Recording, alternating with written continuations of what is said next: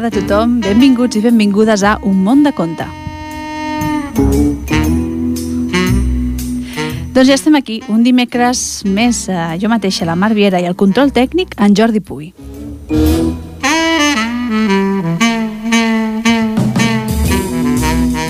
Doncs bé, tenim gairebé una horeta per disfrutar d'aquest espai que, com sabeu, fem cada dimecres a de 6 a 7 de la tarda i el fem aquí, a l'emissora municipal, a Ripollet Ràdio.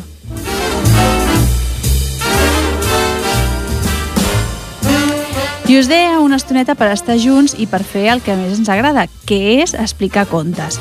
Contes que, com sempre, hem estat de la Biblioteca de Ripollet, a un lloc on sempre us recomanem que passeu i que aneu a fer una visita.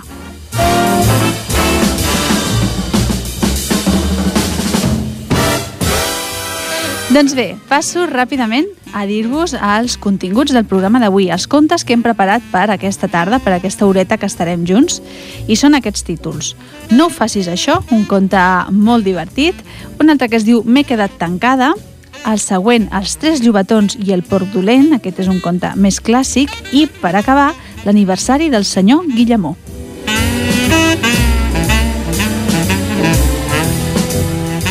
I com sempre, tot això doncs, ho barrejarem, ho amenitzarem amb una mica de música, amb bona música. En aquest cas portem un grup de noies eh, que fa un temps que van estar doncs, als números més alts de, de les llistes de música i bé, no sé si algú de vosaltres les recordarà, però són les Eternal. Eternal.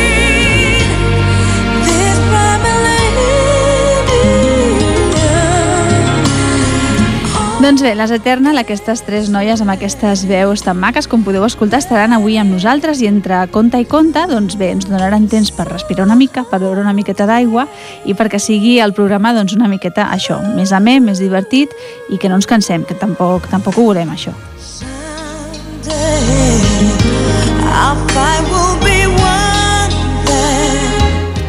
Doncs bé, com sabeu, abans de començar amb els contes i amb les històries, sempre m'agrada portar-vos una mica d'informació, eh? perquè bé, doncs el món dels contes dona molt de sí, el món de la lectura i de la literatura doncs és molt ampli i la veritat és que no volem que ningú es quedi esclòs, que tothom tingui oportunitat de llegir. I és per això que avui us vull parlar dels llibres de lectura fàcil. Mm? Això ho he portat sobretot pensant doncs, en aquells avis i àvies que de vegades llegeixen contes als seus nets i que troben una miqueta difícil doncs, aquell vocabulari que es fa servir en aquests llibres més moderns i que no estan acostumats doncs, doncs això, a aquestes paraules i a aquesta manera d'escriure. Doncs bé, doncs com que tenim la idea de que llegir és un plaer i un dret, doncs avui parlem de la lectura fàcil.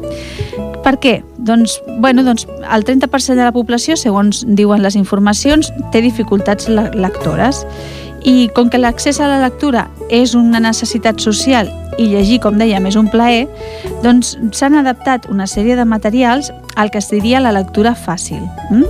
És a dir, serien llibres, documents, pàgines web, etc., que s'han elaborat amb una especial cura per ser llegits i entesos per a aquelles persones que tenen bueno, una certa dificultat lectora. Mm? Aquests llibres segueixen les directrius internacionals de la Federació Internacional de les Llibreries de les Biblioteques Associades i bé, són una resposta a la necessitat, doncs, com deien, d'aquest 30% de la població. Aquests llibres tenen un logotip que els identifica, vale? eh, és la LF, de lectura fàcil, i bé, eh, els podem trobar doncs, sobretot això a les biblioteques municipals i és fàcil trobar-los per això, perquè estan molt, molt distingits amb aquest, amb aquest logotip. Mm? Hi ha molts títols que s'han adaptat a, als llibres de lectura fàcil. Eh? Hi ha llibres juvenils i adults, hi ha llibres infantils, eh, hi ha publicacions doncs, més adreçades a, a gent gran, però pel que nosaltres ens, ens ocupa, que sobretot són els contes, doncs tenim una col·lecció de contes d'arreu, mm, de, de diferents països, de Perú, de Xina, de Venezuela, del Tíbet, bueno, que estan adaptats en aquest llenguatge.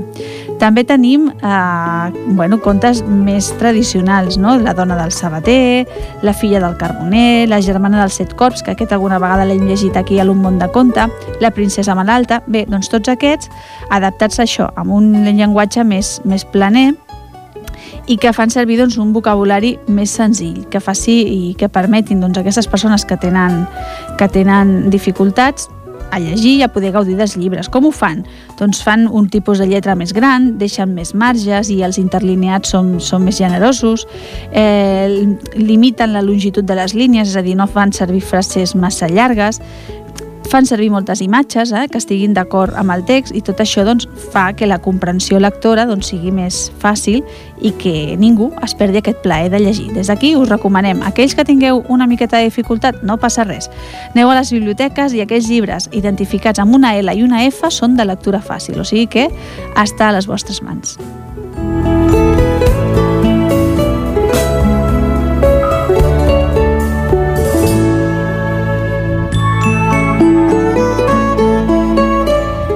Bé, per no perdre més temps i que després no ens quedem curts amb aquestes quatre històries que hem preparat per avui, començarem amb la primera, amb aquell conte que us he dit que és eh, divertit, que és de l'editorial El núvol de cotó, quin nom més maco, eh? El núvol de cotó.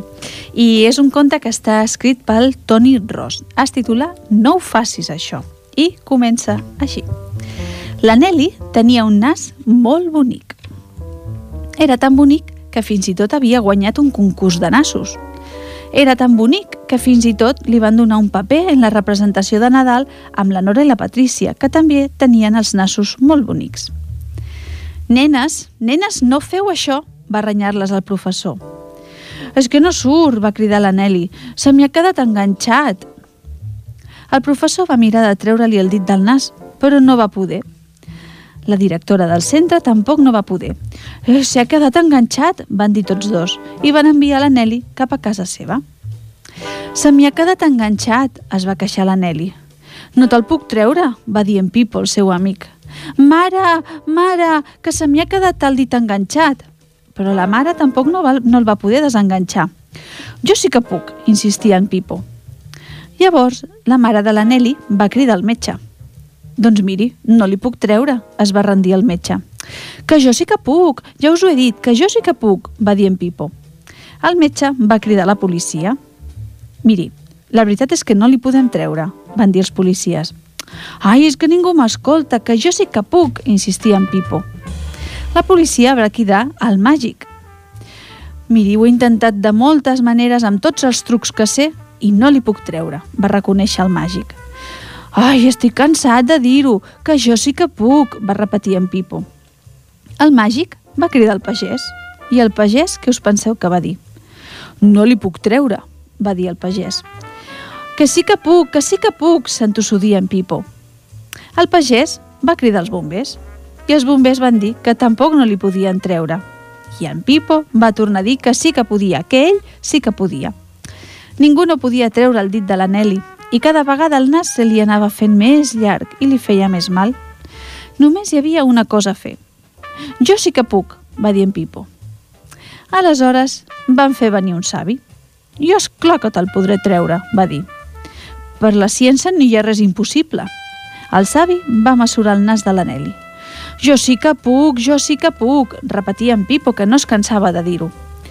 Llavors el savi va construir un coet i va lligar-lo amb una corda al braç de, la Nelly. Amb un altre tros de corda va lligar la cama de la Nelly en un banc del parc.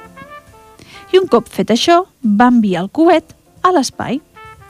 Però el dit de la Nelly continuava sense voler sortir. Doncs queda't així, van exclamar els professors, la mare, el metge, la policia, el màgic, el pagès, els bombers i el savi.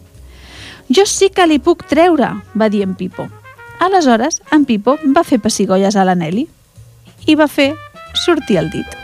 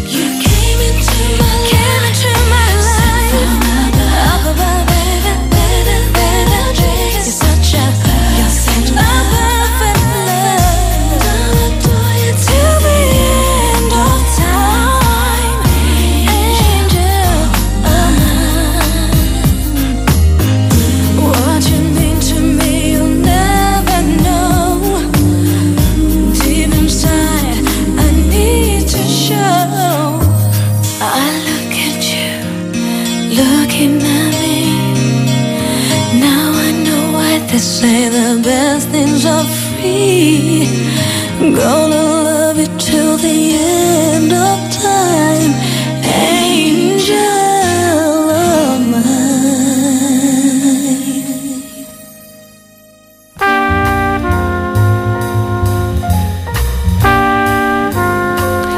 Doncs bé, ara explicarem la història d'una nena que es queda tancada a un vàter. Sí, segurament que molts de vosaltres us han dit que quan entreu als vàters doncs no tanqueu el baldó i que no us quedeu tancats a dintre. Doncs bé, a veure què li passa a la protagonista d'aquest conte. És un conte de la Marianne Desmet i bé, es titula M'he quedat tancada. Comença així. La Mercè ha anat a la biblioteca amb la seva mare. A la mare li costa molt triar els llibres que es volen dur. A la Mercè no. Ella torna els llibres que llegeix- s'ha llegit i n'agafa cinc de nous. Només cinc. Més no estan permès. A veure... Mm, fa la mare. Mm, aquest tampoc. Mm, mm, mm. La Mercè s'espera. Ai, vinga, mare, fa la Mercè. Un moment, espera't un minut, reina, diu la mare rondinant.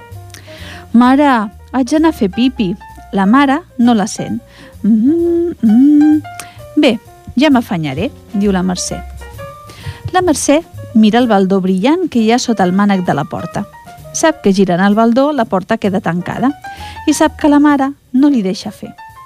La Mercè tira de la cadena i s'apuja els pantalons, obre la porta i es posa a jugar amb el baldó. Clic, clac, clic, clac. Vermell, blanc, vermell, blanc.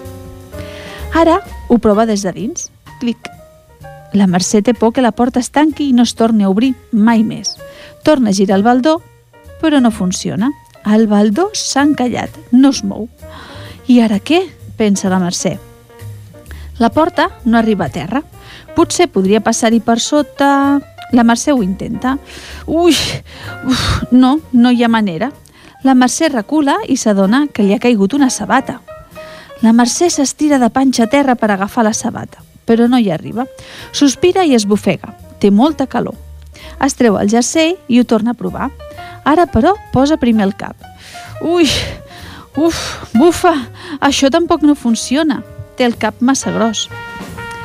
Ho prova per sobre la porta, però no, la Mercè és massa petita i no hi arriba. De sobte, per sota la porta, apareix la cara d'un nen. T'has equivocat, diu ella. El lavabo dels nens és a la porta del costat. Que és teva, aquesta sabata? li pregunta el nen.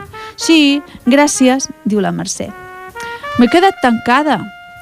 No pots passar per sota la porta? li pregunta el nen. No, sospira la Mercè. A veure, prova d'obrir des d'aquí fora, li diu ella. El nen treu el cap de sota la porta i es posa a remenar el pany. Per aquest cantó no hi ha baldó, diu el nen. Només hi ha el mànec. Pots venir aquí al meu costat? Mira a veure si tu passes per sota la porta, diu la Mercè. A veure... Ui, espera, espera, que t'ajudo. Ui, crida el nen. El nen prova de fer girar el baldó. I tampoc no pot. Està trencat, diu ell. El nen s'asseu a la tassa del vàter. Em dic Mercè, i tu com et dius? Àngel, diu el nen. Agafa un llibre i se'l mira. La Mercè també se'l mira. És un llibre molt divertit. Va d'una liga petita. Tot d'una, la Mercè sent el seu nom. Mare! La Mercè comença a saltar tot cridant. Mare, sóc aquí, al lavabo. Se senten les passes de la mare que s'acosten. Ai, em tenies ben preocupada, Mercè, diu la mare. Per què no m'ho has dit que anaves al lavabo? Sí que t'ho he dit, protesta la Mercè. I saps que no vull que et tanquis amb baldó? La renya la mare. El baldó està trencat, diu l'Àngel. I qui és aquest? pregunta la mare. És l'Àngel, diu la Mercè. La mare busca alguna cosa a la bossa. Amb una llima de les ungles intenta obrir la porta. Cau un cargol a terra. El mànec es mou amunt i avall i la porta s'obre. La mare està enfadada i posa el jersei a la Mercè. Molt bé, mare, diu la Mercè. Què fem amb aquest clauet? pregunta l'Àngel. La mare es posa una mica vermella. "Mm, Suposo que, que deu sobrar, diu la mare. Té, Mercè, aguanta'm un moment els llibres que aprofitaré per fer un pipí. La mare entra al lavabo. Espera't aquí, li diu. Poc després, el mànec comença a moure's amunt i avall, una vegada i una altra. Es belluga i fa soroll. Fa soroll i es belluga. Reina, diu la mare, vés a buscar la bibliotecària, la porta no es pot obrir. La Mercè somriu i diu, mare, ja saps que no t'has de tancar amb do. I mentre la Mercè se'n va a buscar la bibliotecària, l'Àngel li passa un llibre per sota la porta.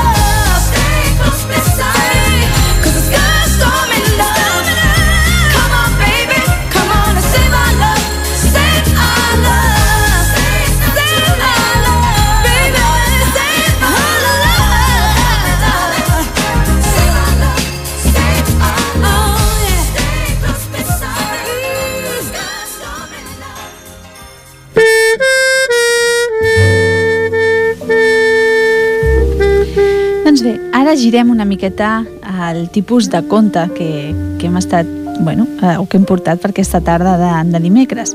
Ara mm, us explicaré un conte doncs, una miqueta més clàssic, no? amb, una, amb una temàtica més, més això, doncs, de, dels contes clàssics, els que s'han explicat doncs, tota la vida i que han passat de generació en generació. És un conte que es titula Els tres llobatons i el port dolent i és un conte de l'Eugène Trivissàs i la Helen Oxenbury, tot i que és una adaptació d'un conte més antic. Mm? I comença així. Hi havia una vegada tres llobatons molt bufons que tenien la pell suau i les cues sedoses i vivien amb la seva mare. Un dia la mare va cridar els llobatons vora seu i va dir «Fills meus, ha arribat l'hora de que sortiu a conèixer el món. Marxeu i construïu-hi una casa, però aneu amb compte amb el port dolent. No pateixis, mare, l'evitarem, van dir els tres llobatons, i van marxar. Ben aviat van trobar un cangur que arrossegava un carretó ple de maons, vermells i grocs. Si us plau, ens podries donar uns quants maons? va preguntar els tres llobatons. I tant, va dir el cangur, i els va lliurar un munt de maons vermells i grocs. I els tres llobatons va construir una casa de maons. L'endemà mateix, el port dolent rondava pel camí i va veure la casa de maons que havien construït els llobatons. Els tres llobatons jugaven a croquet al jardí en veure que s'acostava el gros port dolent, van córrer cap a casa i van tancar la porta amb clau. El porc va trucar a la porta i va grunyir. «Llobatons, llobatons, deixeu-me entrar!» «No, no i no», van dir els tres llobatons. «No ens prendràs pas el pèl, no et deixarem entrar ni per tot l'or del món». Llavors bufaré i esbufegaré i la casa tombaré, va dir el porc. I dit i fet, va bufar i va esbufegar, però la casa no va tombar però com que el porc era gros i dolent, va anar a buscar la seva massa i va tombar la casa. Els tres llobatons van ser a temps de fugir abans que destrossés els maons, però estaven molt espantats. Hem de construir una casa més forta, van dir. Llavors van veure un castor que mesclava formigó. Si us plau, que ens podries donar una mica de formigó? van demanar els tres llobatons. No caldria, si no, va dir el castor, i els va lliurar cubells i cubells de formigó, espès i llafiscós i els tres llobatons van construir una casa de formigó.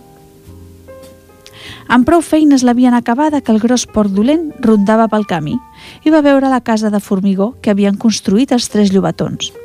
Jugaven a badminton al jardí i en veure que s'acostava el gros port dolent van córrer cap a casa i van tancar la porta.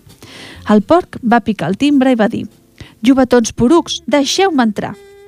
«No, no i no», van dir els tres llobatons. «No ens prendràs pas el pèl no et deixarem entrar ni per tot l'or del món. Llavors bufaré i esbufegaré i la casa tombaré, va dir el porc. I dit i fet, va bufar i va esbufegar, però la casa, la casa no la va tombar. Però com que el porc era gros i dolent, va anar a buscar la seva perforadora i va tombar la casa. Però com que el porc era gros i dolent, va, va anar a buscar la seva perforadora i va tombar la casa. I els tres llobatons van fugir a temps, però tremolaven com una fulla i tenien els pèls de punta. Hem de construir una casa més sòlida, van dir, perquè eren molt decidits. Llavors van veure un camió que passava per la carretera carregat de filferro de punxes, barres de ferro, planxes de blindatge i gruixuts cadenats metàl·lics. Si us plau, que ens podries donar una mica de filferro, de punxes, unes barres de ferro i planxes de blindatge i també uns quants cadenats de metall? Van demanar el rinoceron que conduïa el camió. Oh, naturalment, va exclamar el, el rinoceron, i es va lliurar un munt de filferro de punxes, barres de ferro, planxes de blindatge i cadenats de metall. També els va lliurar una mica de plexiglas i unes cadenes de ser reforçades, perquè era un rinoceron generós i bonaç. Amb tot això, els tres llobatons van construir una casa molt sòlida. Era la casa més sòlida i segura que us pugueu imaginar. Es van sentir molt relaxats i totalment segurs. L'endemà, el porc malintencionat rondava pel camí com tenia per costum. Els llobatons jugaven a la xarranca al jardí. En veure que s'acostava el gros porc dolent, van córrer a casa, van tancar la porta amb pany i van tancar els 67 candats. El porc va premar el botó del contestador automàtic i va dir «Llobatons tremolosos i porucs, deixeu-me entrar». «No, no i no», van dir els llobatons, «no ens prendràs pas al pèl, no et deixarem entrar ni per tot l'or del món». «Llavors bufaré i esbufegaré i la casa tombaré», va dir el porc. I dit i fet, va bufar i va esbufegar, però la casa no va tombar.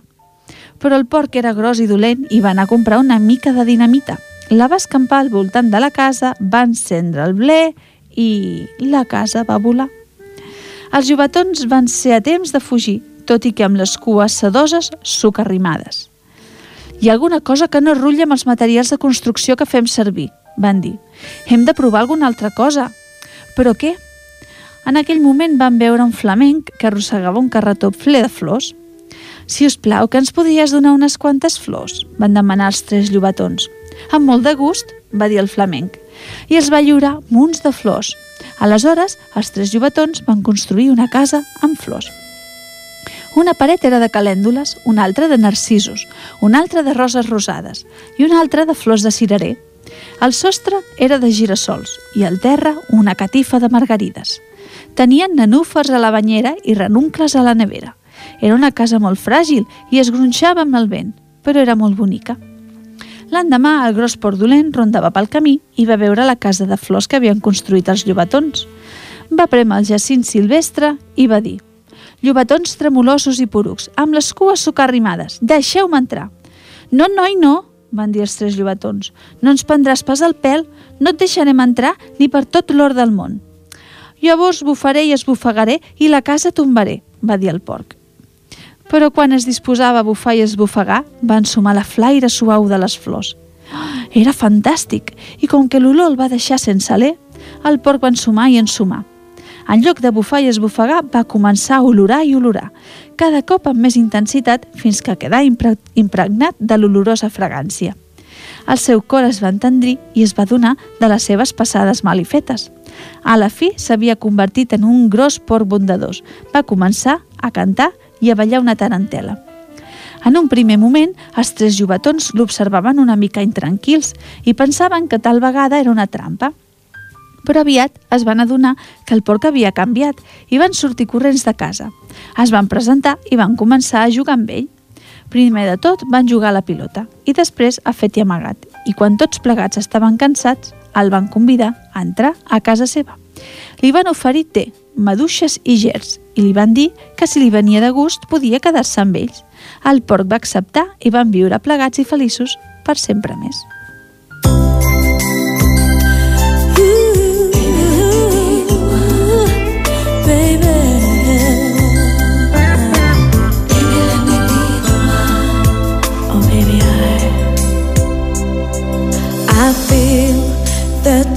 Of your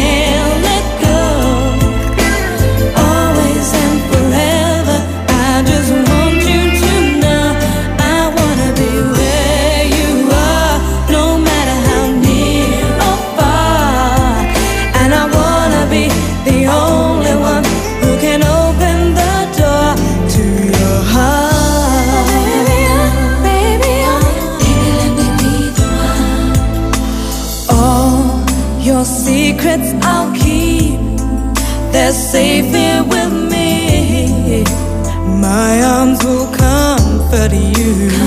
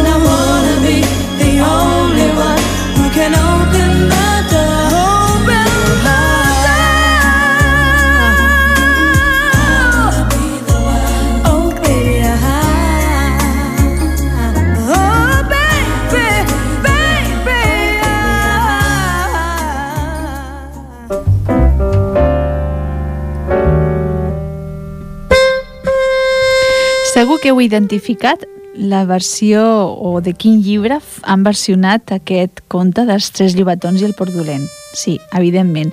És el llibre dels tres porquets eh, adaptat, i en aquest cas doncs, són els tres llobatons els que són bons i el porc és el dolent. Eh? O sigui, és una adaptació d'aquest conte clàssic en una versió doncs, diferent i canviant els rols dels personatges. Doncs bé, per acabar el programa d'avui doncs, portem un darrer conte que es titula L'aniversari del senyor Guillemó i és un conte de l'Anaïs Boguelat i comença així. Com que avui és el seu aniversari, el senyor Guillemó ha decidit anar a dinar al restaurant. Fa el llit, plega el pijama, es posa els pantalons, la jaqueta verda i la gorra. També es posa una bufanda. Mira el seu rellotge i justament ja és l'hora de dinar. Una rata grossa fuma a prop de la porta. On va, senyor Guillemó? Doncs mira, me'n vaig al restaurant a menjar un bon paté, que avui és el meu aniversari i és el meu plat preferit. Ah, és una bona pensada, güella la rata. Però jo prefereixo la crosta d'un bron gruller. Que en tenen al restaurant? Ah, sens dubte, respon en Guillemó. És un restaurant excel·lent. Així doncs, t'hi acompanyo. Fora ha nevat de valent. Damunt el mur, una gallina xica escriu en una llibreta. On aneu, rata grossa i senyor Guillemó? Anem al restaurant a menjar crosta de gruller i un bon paté, que avui és el meu aniversari i és el meu plat preferit. Coc, coc, diu la gallina. Jo prefereixo el púding de blat. En tenen al restaurant? Sens dubte, respon en Guillemó. És un restaurant magnífic. Així doncs, us hi acompanyo. Camina que caminaràs, a la vora del camí troben un gat rondinaire que està arreglant el seu camió. On aneu, gata rata grossa, gallina xica i senyor Guillemó?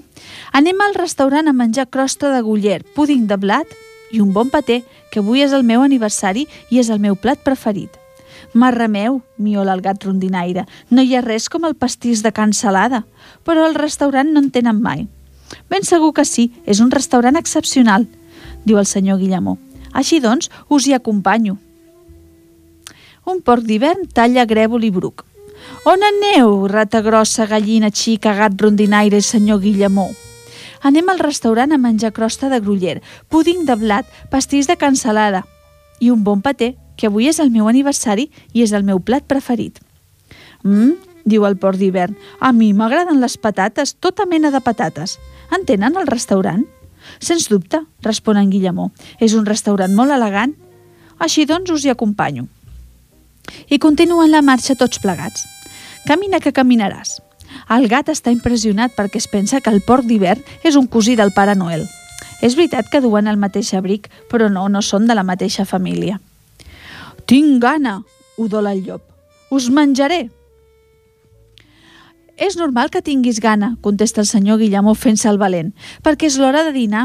Mm, precisament anem cap al restaurant a menjar crosta de gruller, púding de blat, mm, pastís de cansalada, tota mena de patates i un bon paté, que avui és el meu aniversari i és el meu plat preferit. Quan jo era un jovetó petit, cada dia i cada any pel meu aniversari, la mare em preparava un pastís de xocolata, sospira el llop. Sens dubte, al restaurant suggereix la, la gallina xica. Sens dubte tindran pastís de xocolata. Que puc venir amb vosaltres? I reprenen la marxa, camina que caminaràs. Al cap d'una bona estona, de caminar, arriben al restaurant. La Joana de les cuines ja els espera. Bon dia, bon dia, bon dia, i tots xerren alhora. Crosta de gruyer, púding de blat, pastís de cansalada, patates, pastís de xocolata i un bon paté. Bon dia, diu tranquil·lament la Joana. Avui he preparat macarrons amb pernil. Reben l'anunci amb gran alegria, perquè a tots els encanten els macarrons. I entre els macarrons hi ha plantada 12 espelmes, perquè són macarrons d'aniversari. seen